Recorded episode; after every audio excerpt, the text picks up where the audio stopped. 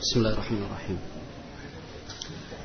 Innal hamdalillah nahmaduhu wa nasta'inuhu wa nastaghfiruh wa na'udzu billahi min shururi anfusina wa min sayyiati a'malina. Man yahdihillahu fala mudilla lah wa man yudlil fala hadiyalah. Ashhadu an la ilaha illallah wahdahu la sharika lah. وأشهد أن محمدا عبده ورسوله صلى الله عليه وعلى آله وأصحابه ومن تبعهم بإحسان إلى يوم الدين. يقول ربنا جل وعلا في كتابه الكريم يا أيها الذين آمنوا اتقوا الله حق تقاته ولا تموتن إلا وأنتم مسلمون. ويقول سبحانه يا أيها الذين آمنوا اتقوا الله وقولوا قولا سديدا يصلح لكم أعمالكم ويغفر لكم ذنوبكم ومن يطع الله ورسوله فقد فاز فوزا عظيما. فإن أصدق الحديث كتاب الله وخير الهدى هدى نبينا محمد صلى الله عليه وسلم وشر الأمور محدثاتها فإن كل محدثة بدعة وكل بدعة ضلالة وكل ضلالة في النار. إخواتي في الله jamaah salat isya Masjid Ma'had As-Salafi Jember rahimukumullah. Apa yang akan saya sampaikan ke depan nanti walaupun ringkas dan singkat tapi marilah kita memahaminya sebagai salah satu bahan ajar dan renungan untuk kita semua tanpa terkecuali. Bukan berarti yang saya sampaikan nantinya saya sudah bisa melakukannya. Tetapi bagaimanapun juga seorang muslim hamba Allah Subhanahu wa taala harus yuhas yuhasibu nafsah. Harus selalu melakukan introspeksi, muhasabah. Nah. Ikhwati fillah rahimani wa rahimakumullah. Apa yang saya sampaikan ini pun sudah terlalu sering kita dengar. Bahkan insya Allah menjadi salah satu kegiatan yang kita tekadkan untuk tidak ditinggalkan. Yaitu selalu mengoreksi niat dan mengevaluasinya.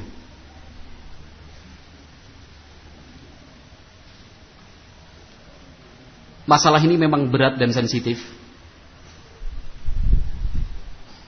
Walaupun kita statusnya sebagai tuwailibul ilm tetapi bagaimanapun juga itu adalah nasihat dan wasiat dari para ulama.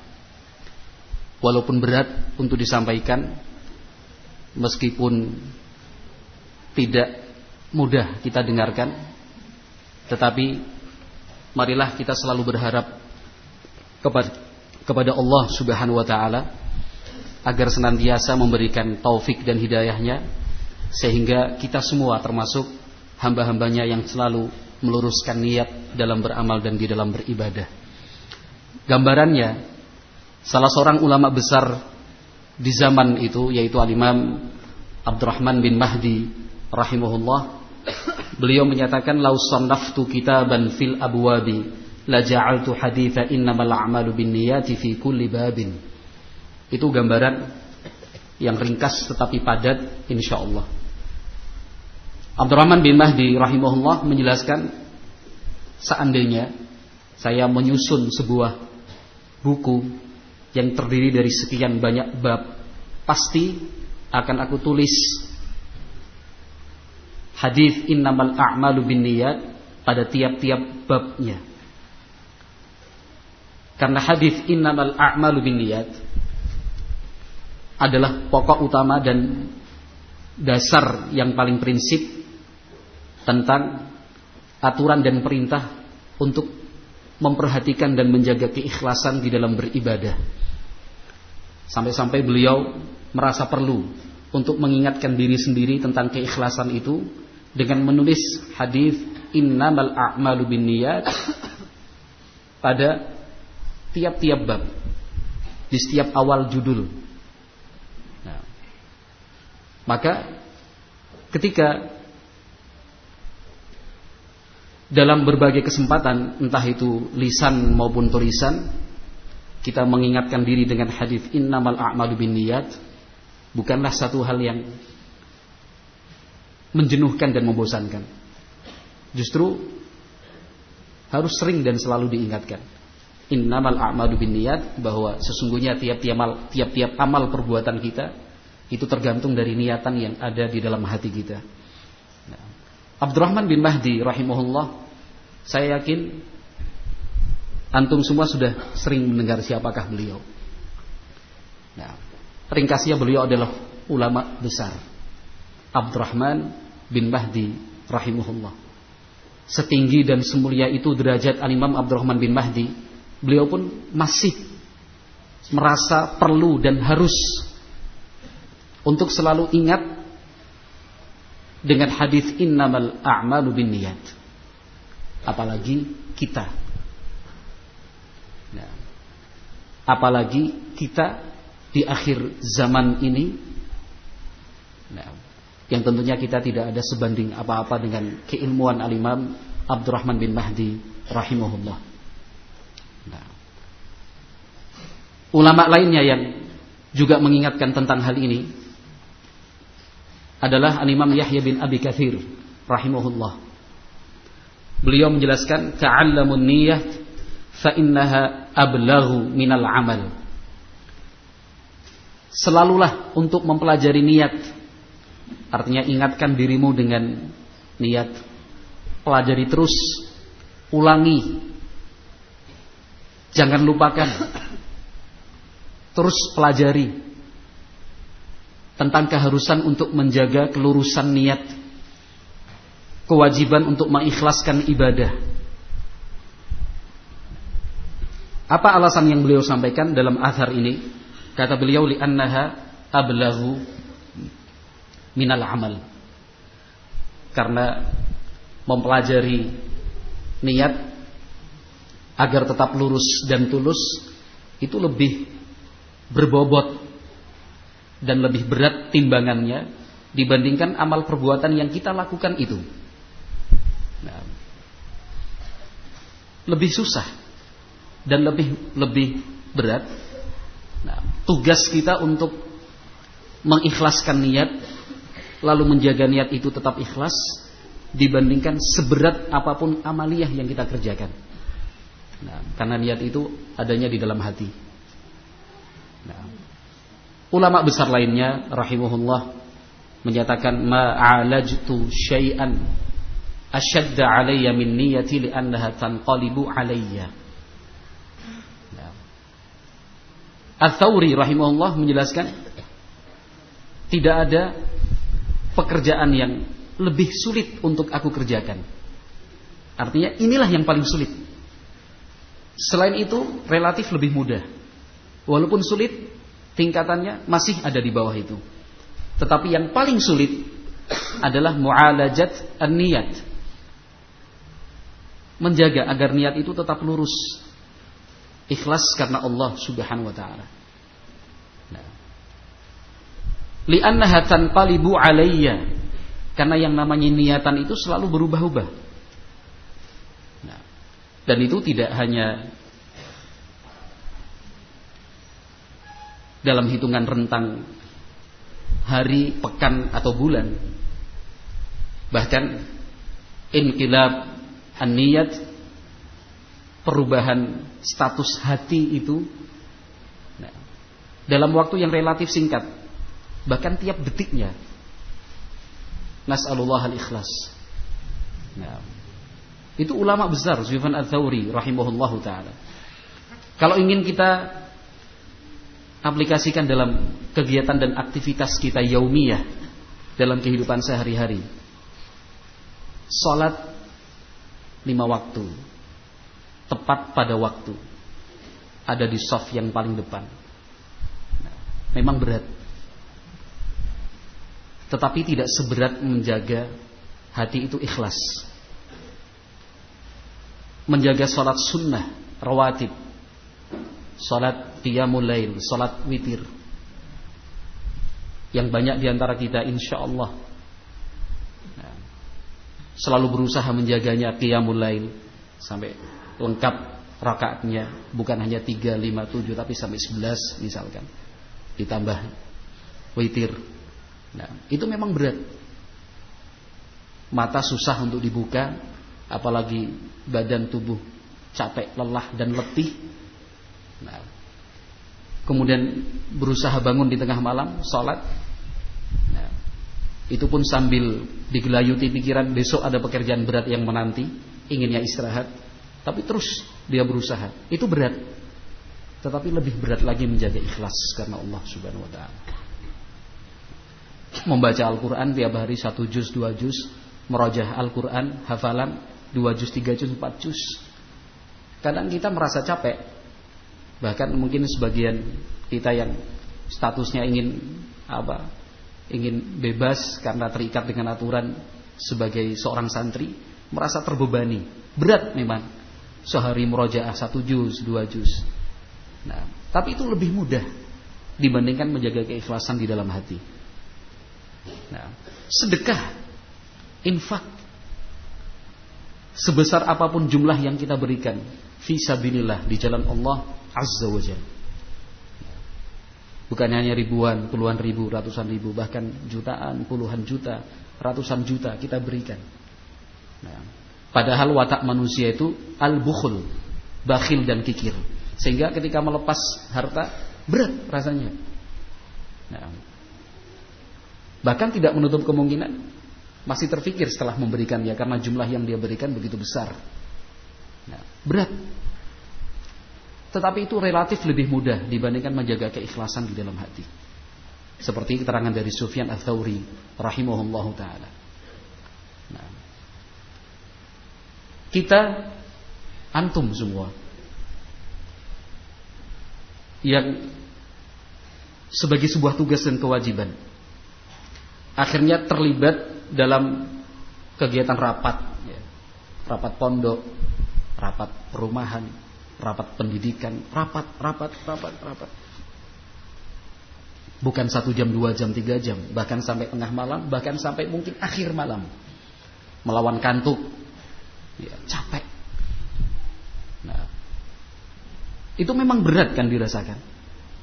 Nah, memang berat dirasakan. Nah, tapi coba resapi lebih dalam lagi. Menjaga hati tetap ikhlas itu jauh lebih berat. Artinya jangan sampai kita merasa wah tiap malam rapat, rapat, rapat.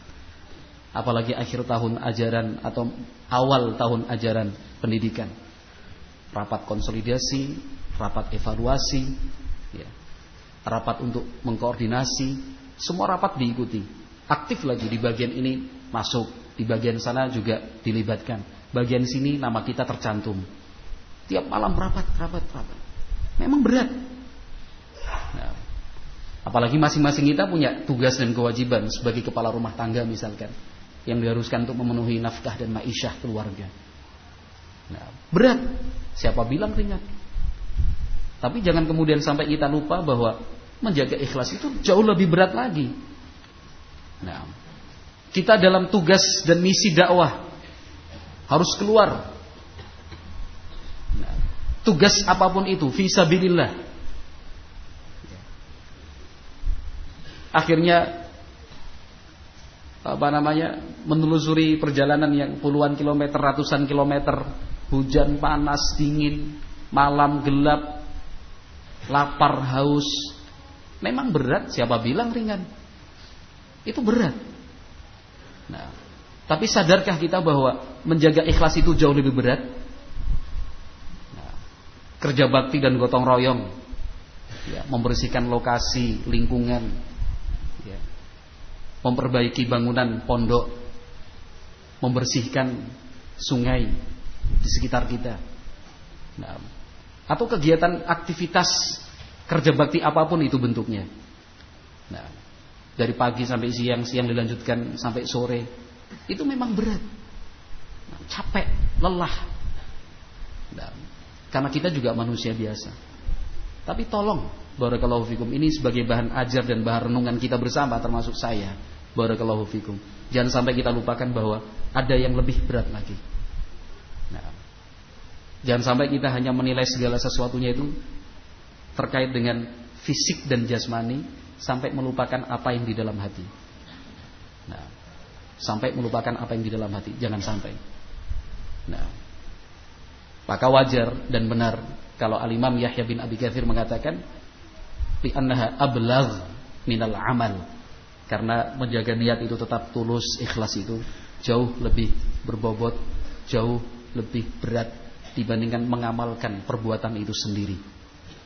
Nah, berbakti kepada orang tua. Berbakti kepada orang tua. Orang tua sudah berusia senja. Bahkan bisa dikatakan mulai memasuki fase pikun. Sudah makan katanya belum. Nah, Jam satu malam bangun. Sholat. Kita tanya sholat apa bu? Subuh. Kita ingatkan dereng bu Belum. Baru jam satu jam dua. Oh subuh ini. Sudah subuh. Nah. Sholat duhur kita ingatkan Lawes tadi sudah Padahal belum Sudah mulai pikun Ya Allah berat Berat. Mungkin antum yang belum sampai pada tingkatan merawat orang tua yang sudah berusia senja belum bisa membayangkan. Tapi coba tanyakan kepada ikhwan-ikhwan kita, kakak-kakak kita, bapak-bapak kita yang lebih tua. Coba tanya kepada mereka yang sempat merawat ayah, merawat ibu di usia lanjutnya, sesaat sebelum meninggal dunia. Berat. Nah, mohon maaf buang air sembarangan merusak barang. Ya. Apa namanya? Menjual barang dengan harga yang murah. Nah. Bahkan ada seorang anak yang diuji orang tuanya karena sudah pikun, sudah pikun, sudah lanjut usia. Kalau keluar dari rumah mengata-ngatain dan mencaci maki tetangga-tetangganya, ya Allah malu. Ayah kandung kita, ibu ibu kandung kita kalau sudah keluar dari rumah mencaci maki tetangganya, kamu, kamu. Kata-katanya, masya Allah, menyakiti hati tetangga. Maka kita sebagai anak harus berjuang itu. Setelah orang tua kita ajak masuk, kita datang ke rumah tetangganya, ngapunten, mohon maaf sekali. Ayah saya sudah tua. Saya yakin orang tua saya, ayah saya itu tidak punya niatan apa-apa untuk mencaci maki saudara. Tapi karena sudah tua, tolong maafkan. Kita bisa barangkali datang ke rumah tetangga minta maaf. Tapi terkadang tetangga yang nggak bisa terima. Mungkin tetangga juga punya masalah, mungkin juga tetangga betul-betul tersakiti dengan ucapan ayah kita. Dan berat. Nah, apalagi nas'alullah wal afiyah. Ada di antara kita yang diuji dengan orang tuanya sakit bertahun-tahun. Hanya terbaring di atas tempat tidurnya setahun dua tahun. Nah, mohon maaf mungkin lebih tepat dikatakan sebagai mayat hidup. Kenapa nggak bisa apa-apa? Nah, sebagian anak yang durhaka malah berpikir mati lebih baik daripada seperti ini. Itu kan godaan syaitan seperti itu. Nah, nah beberapa contoh berbakti yang saya sebutkan tadi, barakallahu fikum, itu berat. Nah, berat. Apalagi mungkin antum anak satu-satunya. Atau laki-laki satu-satunya. Atau yang mampu satu-satunya. Karena kakak adik antum ternyata tidak punya kemampuan. Antum yang menjadi tumpuan.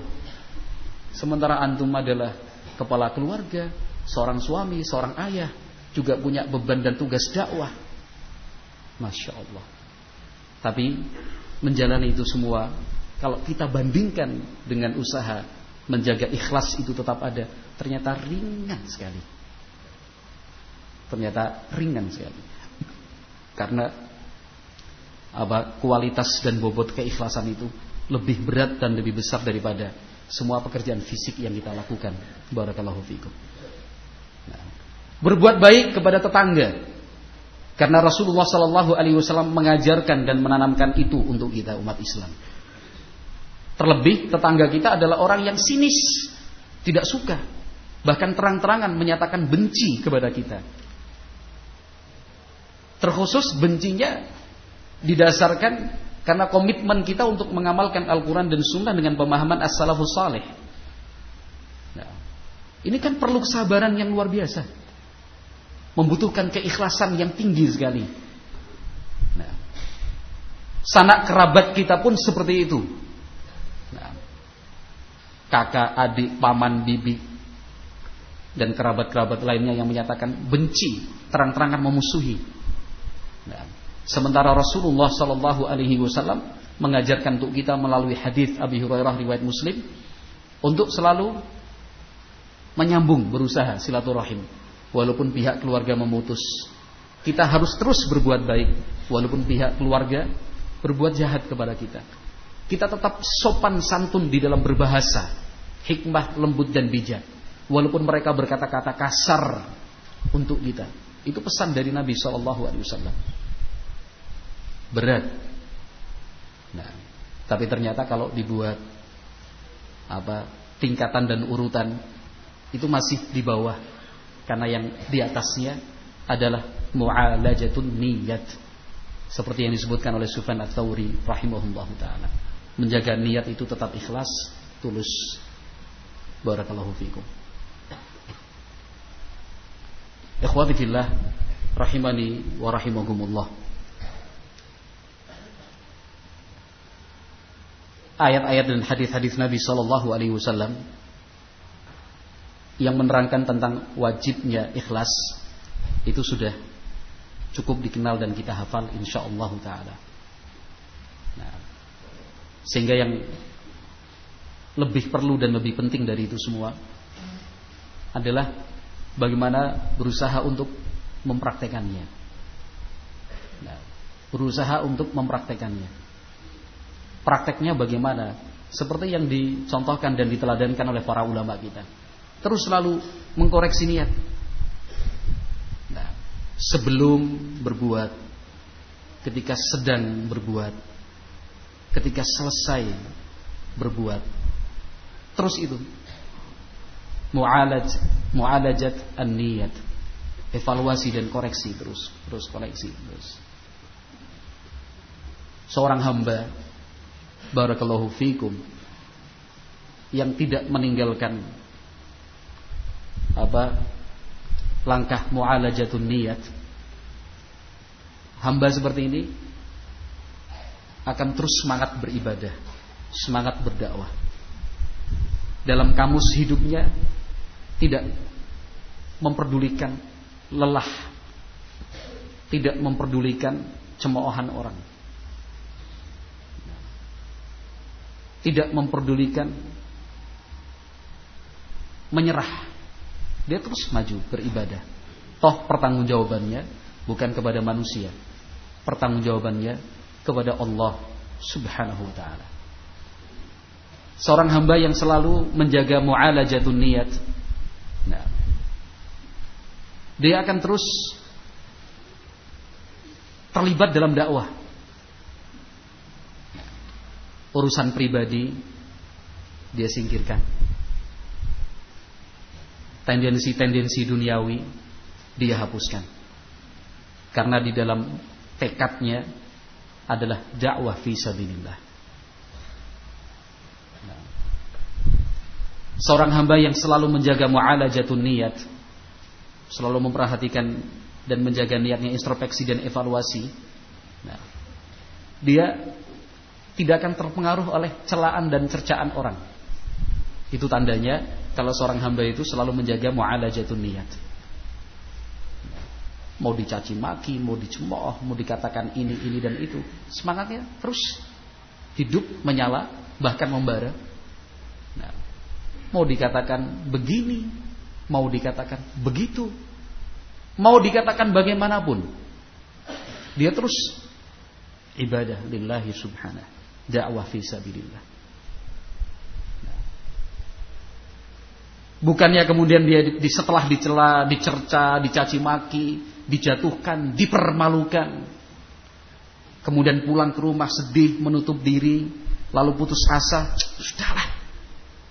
Nah, cukup sampai di sini saja. Saya tak seperti orang biasa saja. Nah, sehingga syiar-syiar sunnah kemudian dilepaskan dia tanggalkan. La haula wala quwata illa billah. Tapi ini kan bukan sebuah apa?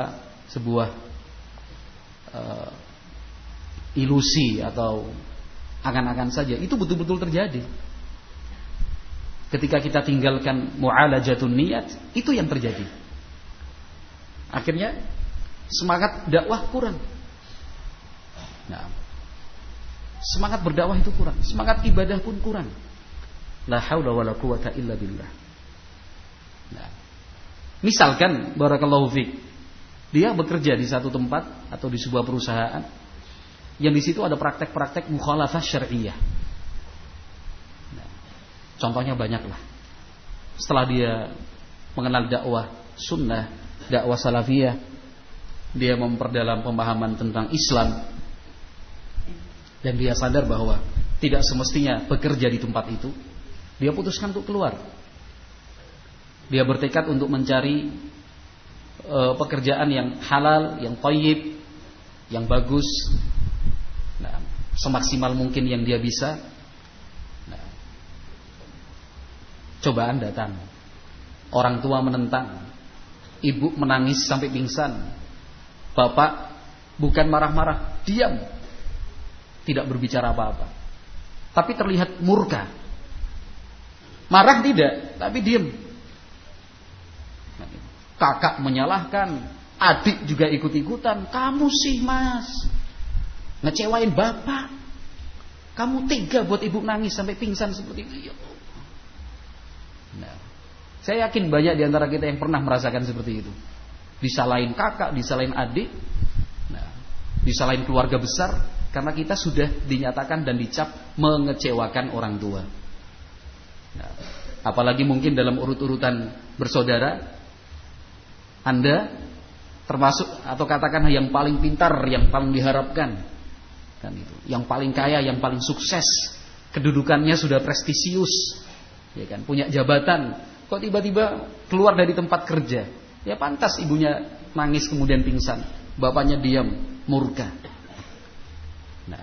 istrinya juga belum tentu kuat awalnya istrinya mendukung tapi melihat situasi dan kondisi yang terakhir update informasi ya kan istrinya mulai ya mas sudahlah mas Nah, pimpinannya telepon, teman-teman di tempat di kantornya juga terus datang, ngapain keluar?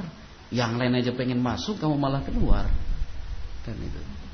Apalagi nanti kemudian pimpinannya sudahlah, apa sih yang membuat kamu pengen keluar nggak bisa sholat jamaah? Buat kamu khusus boleh jam-jam sholat. Yang penting kamu kerja di tempat saya. Kan itu. Apa maumu saya penuhi. Mau pelihara jenggot boleh, mau pakai jubah boleh. Kan itu. Mau nyebarkan majalah syariah boleh, mau buat taklim boleh. Yang penting kamu kerja di tempat saya karena kamu orang penting. Masya Allah. Barakallahu fi. Ini berat. Ini bukan cerita yang saya buat-buat. Sebagian ikhwan kalau curhat kan begitu kan itu. Wah susah Ustaz gini, gini, gini. Ya Allah. Tapi akhirnya kan Allah wa Rasuluh. Ya kan? Allah ahabbu ilaina. Al-haqqu ahabbu ilaina. Al-jannatu ahabbu ilaina. Ridha Allah lebih kita cintai. Ya. Kebenaran itu lebih kita pilih. Surga itu lebih berharga dibandingkan itu semua. Nah, dibandingkan itu semua. Sudah betul-betul dia niatkan ikhlas karena Allah Subhanahu wa taala dia tinggalkan itu semua. Nah, dengan sebuah dan berbekal keyakinan man taraka syai'an lillah awwadahullahu khairan siapa pun yang meninggalkan sesuatu karena niatannya ikhlas lillah Allah akan beri ganti yang lebih baik dari itu semua. Nah, itu yakin sekali. Sabda Nabi Shallallahu Alaihi Wasallam yang diriwayatkan oleh Imam Ahmad di dalam musnadnya rahimahullah. Dia yakin sekali. Nah, tapi keyakinannya ini sekarang diuji. Hari ini sudah keluar kerja sebulan, dua bulan, tiga bulan, kehidupan duniawinya bukannya membaik. Nah, tapi sedikit demi sedikit turun kualitasnya. Nah, kalau dulu makan jajan ke mana aja masih sekarang sudah mulai berpikir nabung, tirit-irit. Karena belum ada pekerjaan lain yang menggantikan pekerjaan sebelumnya. Irit, irit, irit, irit, irit, terus begitu. Ini kan ujian. Nah, padahal dia berkeyakinan dengan mantaraka syai'an lillah, ikhlas karena Allah. Demi mengharap ridha dan wajah dari Allah Subhanahu wa taala. Nah, itu tadi menjaga ikhlas itu memang berat. Lillahnya itu loh. Nah, lillahnya itu. Barakallahu fikum. Nah, tapi dia yakin bahwa apa yang diucapkan oleh Nabi Muhammad sallallahu alaihi wasallam itu benar dan tidak mungkin salah. Yaitu sabda Nabi alaihi salatu wasallam, "Man kanatid dunya hammahu, farraqallahu amrahu." Nah, wa ja'alal faqra baina 'ainayhi wa lam ta'tihi dunya illa ma kutibat lah. Wa man kanatil akhiratu niyyatahu, jama'a Allahu syamlah wa ja'ala ghinahu fi qalbihi wa ja'ala ghinahu fi qalbi. Kemudian yang terakhir tadi wa ja'ala ghinahu fi qalbi wa atathu dunya wa hiya raghimah. Dia yakin sekali dengan sabda Nabi alaihi salatu wasallam. Itu kan ujian keikhlasan sebenarnya. Nah, ujian keikhlasan. Dia betul-betul lillah atau tidak? Betul-betul karena Allah atau bukan? Nah, untuk lulus kan harus lewat ujian. Dan ujian itu memang berat. Ujian itu memang berat. Nah, dia yakin dengan sabda Nabi Ali Shallallahu Wasallam, yaitu barang siapa yang tujuannya adalah dunia, tujuannya dunia, maka apa yang dia inginkan pasti tercerai berai, tidak akan mungkin tercapai seperti yang dia inginkan. Wajah al-faqra baina ainai. Di antara kedua matanya itu selalu kurang, kurang, kurang, kurang. Enggak pernah puas, tidak ada konaahnya. Tidak akan pernah merasa cukup, kurang terus. Walam ta'tihi dunya ila ma kutibat lah. Sementara dunia yang dia kejar nah, yang dia peroleh dari dunia itu ya sebatas yang sudah dicatat Allah untuknya.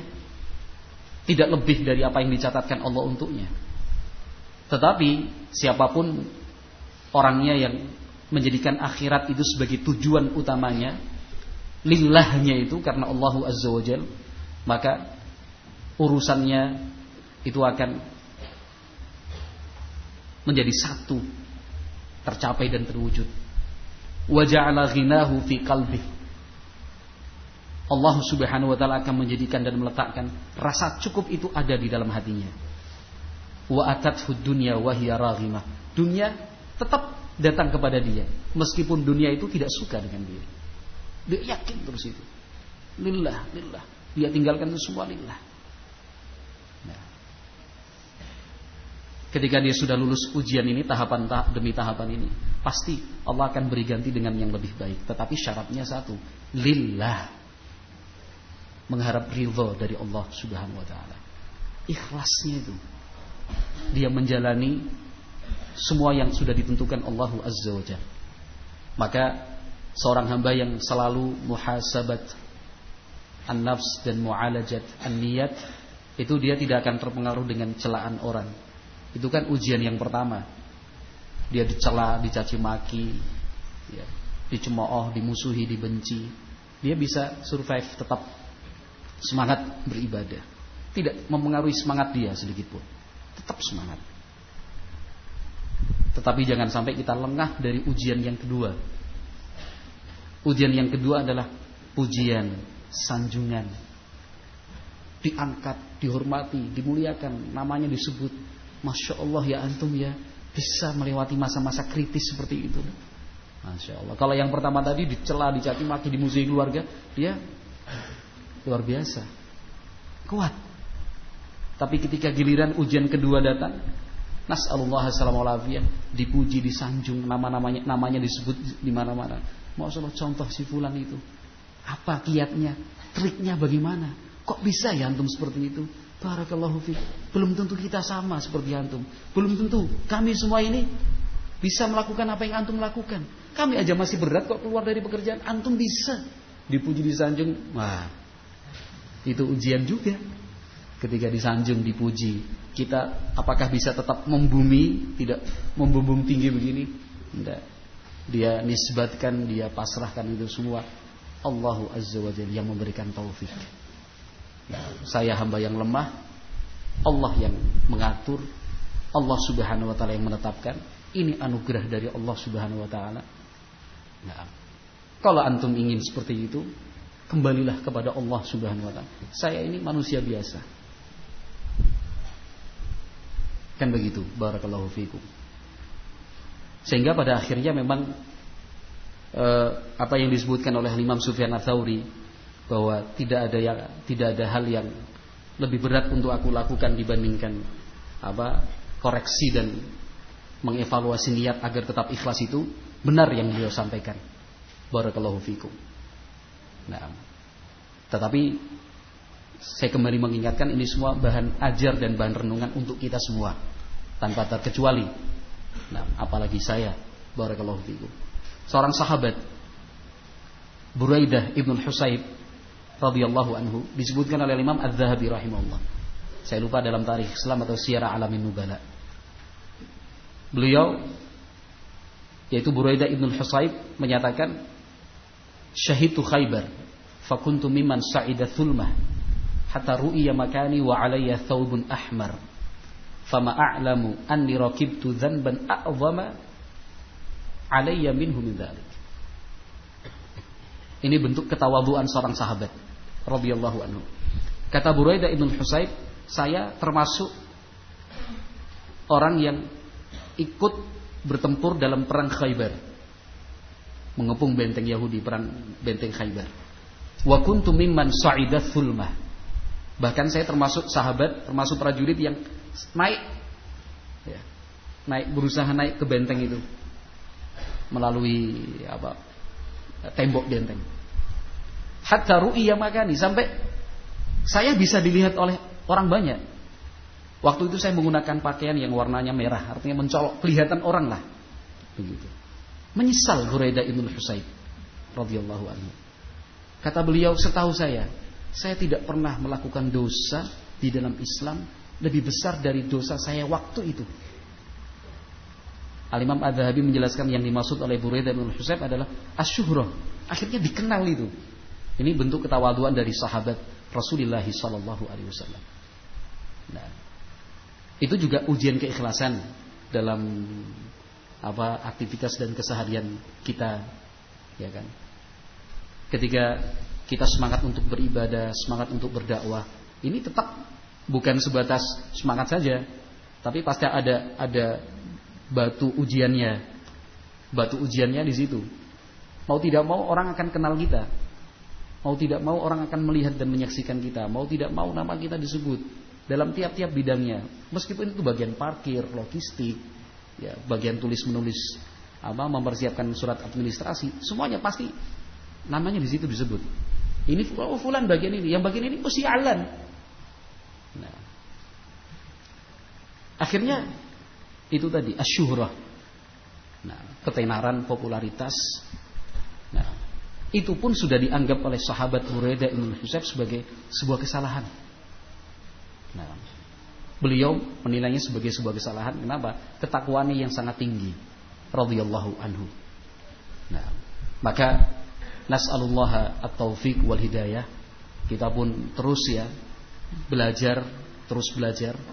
Ini untuk saya pribadi secara khusus barakallahu fikum dan untuk kita semua karena nasihat itu li amatin muslimin untuk kaum muslimin secara keseluruhan ya kan memang apa jiwa kita yang amaratun bisu ini yang selalu apa mendorong kita untuk berbuat jahat dan berbuat celah ini terkadang selalu mendorong untuk untuk mengatakan anni fa'altu kada annalladzi kada, anak lagi kada. Saya itu, saya kok. Lo itu saya di situ. Anak itu. Itu terus dorongan itu selalu ada, tapi usaha kita belajar untuk menahan, nahan, nahan, nahan. nahan. Kan itu. Wah, anak kemarin begini. nggak ada yang nanya kok.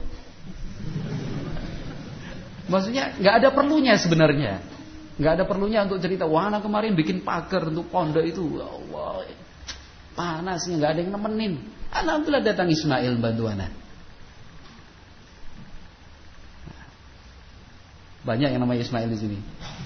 Akhirnya Ismail yang datang bantu. Berdua gitu. Alhamdulillah selesai. Syukur. Ceritanya zen. Cuman itulah jangan sampai kita terus terbawa. Tidak usah cerita lah. Tidak usah cerita. Barakallahu fiik. Yang lain cerita, ini rasanya sulit untuk nahan. Aku juga. Sudahlah biar orang lain yang cerita, barakallahu kita tetap kita tetap dalam diam kita, tetap dalam tenang kita. Nah, karena Allah tidak akan sia-siakan amalan seorang hamba. Kan begitu. Tidak tidak tidak akan Allah sia-siakan yang seperti itu. Nah, berlatihlah dari yang seperti itu. Nah, berlatihlah dari seperti itu. Puasa sunnah misalkan. Puasa sunnah. Nah, kalau ada sedikit yang nawarin, yang ganggu, rasanya itu ada dorongan. Anak sedang puasa, akhi Masya Allah. Anak sedang puasa akhi. Nah, gitu. Barakallahu fiqh. Mudah-mudahan itu tujuannya untuk mengajak orang lain ikut berpuasa. Nah, tapi kalau itu ternyata godaan untuk merusak niat, jangan tahan. Kan itu, tahan. Kan itu.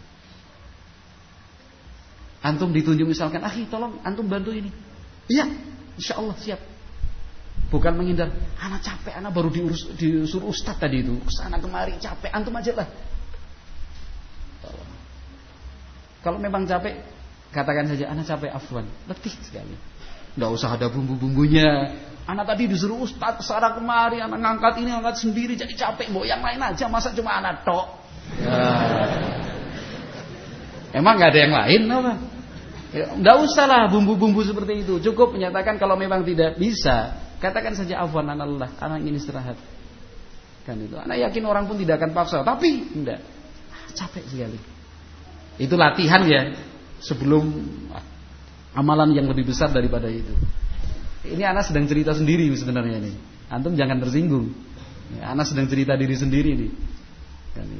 Jadi afwan anak capek sekali. Anak disyarah itu. Tadi malam begini, kemudian subuh begini, siang begini. Jadi tiga hari tiga malam anak tidur dalam sehari paling empat jam aja. Antum nggak kasihan sama anak? Ya. Jadi didramatisir banget kan itu ya Allah. Enggak perlu lah barakallahu fi. Tutupi itu. Ya. Sebagai penutup sudah setengah jam ini. Barakallahu fi. Al Imam Adz-Dzahabi uh,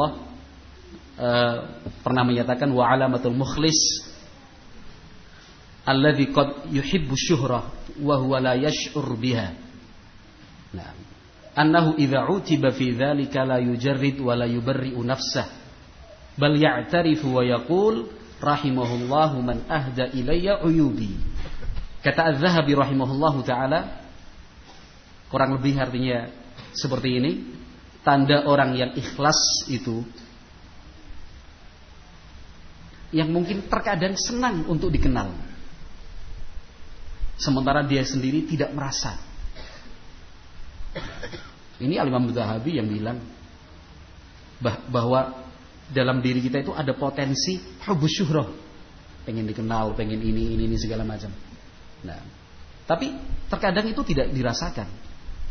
Tapi orang yang ikhlas ketika dia diingatkan, diberi nasihat termasuk malam hari ini. Nah, termasuk saya juga tentunya dan itu yang paling pertama. Ketika diingatkan tentang masalah ikhlas ini, la yujarridu wa la yubarri'u nafsah dia bukan kemudian mengatakan, oh kalau saya enggak. Saya selama ini baik-baik saja. Kayaknya enggak dia. Nah, saya selama ini diem. Saya berusaha menjauhi hal-hal seperti itu. Nah, tanda orang yang ikhlas itu bal ya'tarif. Dia akui. Iya ya. Gitu. Yang dibilang tadi benar semua. Makanya anak tadi bilang saya tadi itu. Iya. Yang saya sampaikan memang itu tentang saya sendiri. Kan itu. Bahkan dia mengatakan rahimahullahu man ahda ilayya uyubi. Semoga Allah merahmati setiap orang yang memberikan hadiah untukku dalam bentuk memperlihatkan aib dan salahku. Kekuranganku ternyata di situ. Barakallahu Jadi ketika diberi nasihat tentang ikhlas, diberi nasihat untuk tulus, ya, diberi nasihat untuk niatnya dijaga, dia berterima kasih, masya Allah. Semoga Allah merahmati mereka yang masih berusaha terus mengingatkan tentang pentingnya ikhlas, keharusan tulus di dalam beribadah dan berbuat. Mudah-mudahan Allah Subhanahu wa taala senantiasa melimpahkan untuk kita kemudahan untuk apa mu'alajat an-niyat artinya selalu koreksi, introspeksi, evaluasi niatan kita dari awal hingga akhir nanti. Dan Allah gabungkan kita dengan para nabi, as-siddiqin wa syuhada was salihin wa hasuna ulaika rafiqa. Wa sallallahu ala nabiyyina Muhammadin wa ala alihi wa sahbihi wa sallam. Subhanakallahumma wa bihamdika asyhadu an la ilaha illa anta astaghfiruka wa atubu ilaik. Assalamualaikum warahmatullahi wabarakatuh